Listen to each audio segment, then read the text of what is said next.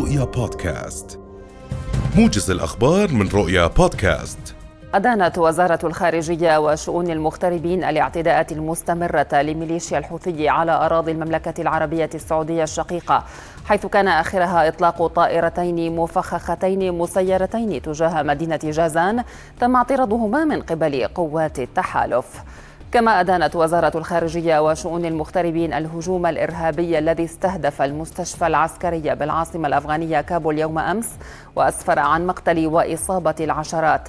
وأكد الناطق الرسمي باسم الوزارة السفير هيثم أبو الفول إدانة واستنكار المملكة الشديدين لكافة أشكال الإرهاب معربا عن تعازيه بالضحايا متمنيا الشفاء العاجل للمصابين. وقع اليوم في منطقة البحر الميت محضر أو محضر اجتماع وزاري بين الجانبين الأردني والإسرائيلي لتسهيل نفاذ قائمة من السلع ذات الأولوية التصديرية الأردنية إلى السوق الفلسطينية. في إطار سعي الحكومة الأردنية لتعزيز التبادل التجاري مع السوق الفلسطينية وبتنسيق مع الجانب الفلسطيني. وزير الصناعة والتجارة والتموين يوسف الشمالي قال إن التوافق الذي تم توقيعه عليه اليوم هو نتاج عمل دؤوب قامت فيه أو قامت به الفرق الفنية من كلا الجانبين لتدارس مقترح الجانب الأردني بزيادة الصادرات الأردنية إلى السوق الفلسطينية. قال أمين عام المجلس القضائي الدكتور وليد كناكري إن السلطة القضائية خطت خطوات مهمة بكل ما هو جديد في كل مناحي الحياة القانونية. وأضاف أن 332122 دعوة استلمتها المحاكم العام الماضي حيث تم الفصل في 317083 منها كما بين أن الإجراءات التي اتخذها المجلس خلال جائحة كورونا أدت إلى تخفيض عدد النزلاء في مراكز الإصلاح والتأهيل بنسبة 45%.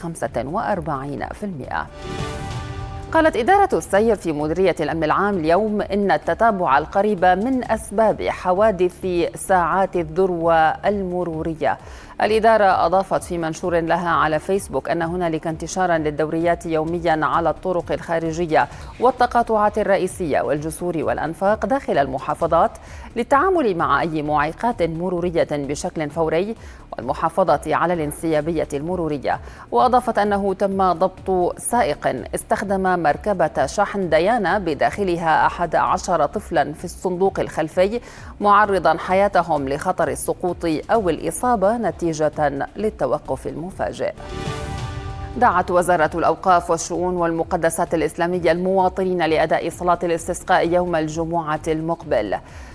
وزير الأوقاف والشؤون والمقدسات الإسلامية الدكتور محمد الخلايلي عمم على مدراء الأوقاف بالمملكة والأئمة والخطباء لإقامة صلاة الاستسقاء بعد صلاة الجمعة نظرا للاحتباس المطري. كما دعا المصلين إلى الالتزام بالإجراءات الصحية المتبعة والتباعد الجسدي. تواصل طواقم الاحتلال الإسرائيلي أعمال التجريف بالمقبرة اليوسفية الإسلامية الملاصقة لأسوار البلدة القديمة في القدس المحتلة لليوم العاشر على التوالي.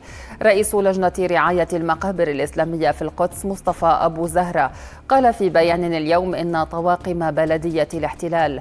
واصلت اليوم أعمال التهويد بالمقبرة اليوسفية وغطت جزءا كبيرا منها بالعشب الاصطناعي لإتمام عملية طمس معالمها التاريخية بهدف إقامة حديقة عامة فيها.